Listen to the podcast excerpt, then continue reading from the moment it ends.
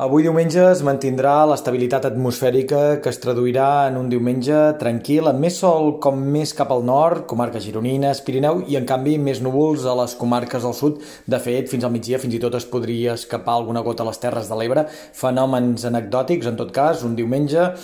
tranquil, amb moltes estones de sol i amb temperatures que es mantindran a ratlla. La matinada ha sigut més fresca o més freda que l'anterior prop de mar, una mica més suau a les comarques interiors, però en tot cas durant el matí no farà cap nos una jaqueta i al migdia, com ahir, les temperatures es tornaran a quedar